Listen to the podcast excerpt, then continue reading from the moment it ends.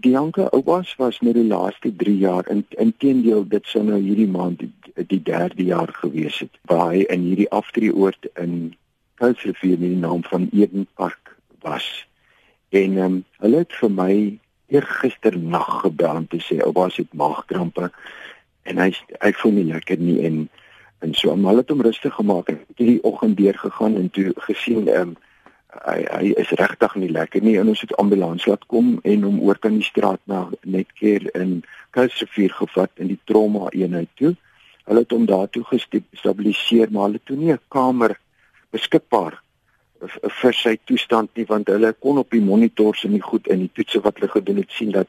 hy het erge infeksie 'n uh, blaasinfeksie in uh, bloeding binnekant en en omdat hulle nie 'n kamer gehad het nie het hulle het hom laat oorplaas na keer uh, in in in one city um, uh, op pad Kaap toe en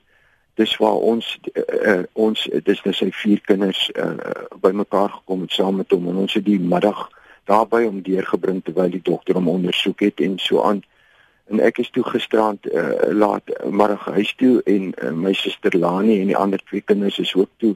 huis toe en toe by die huis kom. Uh, gelukkig was uh, baie baie goeie 'n uh, familievriendin van ons Ingrid Howard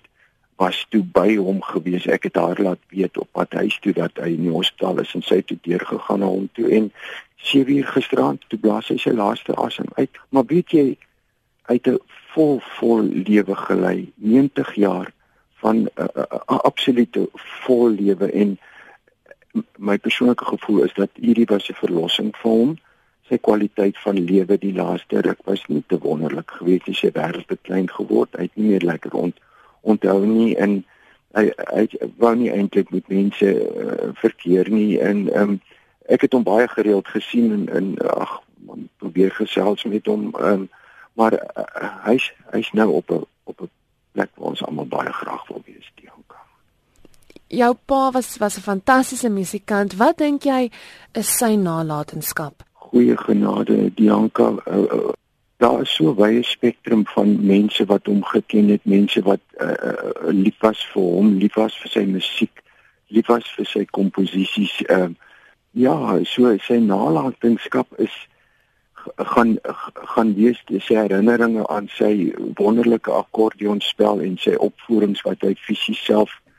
in opgetree het en dan natuurlik sy pragtige pragtige uh, komposisies en musiek wat hy geskryf het. En wat sal jy die meeste van jou pa onthou? Ehm um, my pa was vir my uh, kyk ehm um, hy was my hy's my biologiese pa maar hy het my nie groot gemaak nie. So hy en ek het nooit eintlik 'n pa-seun verhouding gehad nie. Hy was my orkesleier, ek het in sy orkes gespeel.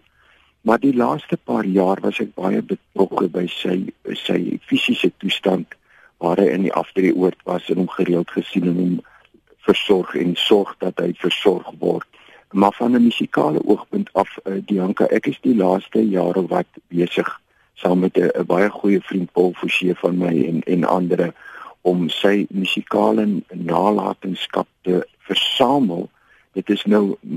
jy noem dit 'n uh, uh, musiek in koerantberigte en CD's en films waarin opgetree het en uh, TV-programme en alles wat ek my hande op kan lê, ehm um, versamel ek. En daar is 'n departement by uh, Universiteit Stellenbosch onder professor Stefanus Miller met die naam van Domus. Dis dokumentasie sentrum vir musiek. Daardie uh, sentrum uh, dit is waar dan ek al hierdie goed wat ek versamel doneer aan sodat sy nalatenskap beskikbaar is vir die nageslag en vir die toekoms sodat sy musiek nooit ooit ooit mag sterwe soos hy gisterand gesterwe het nie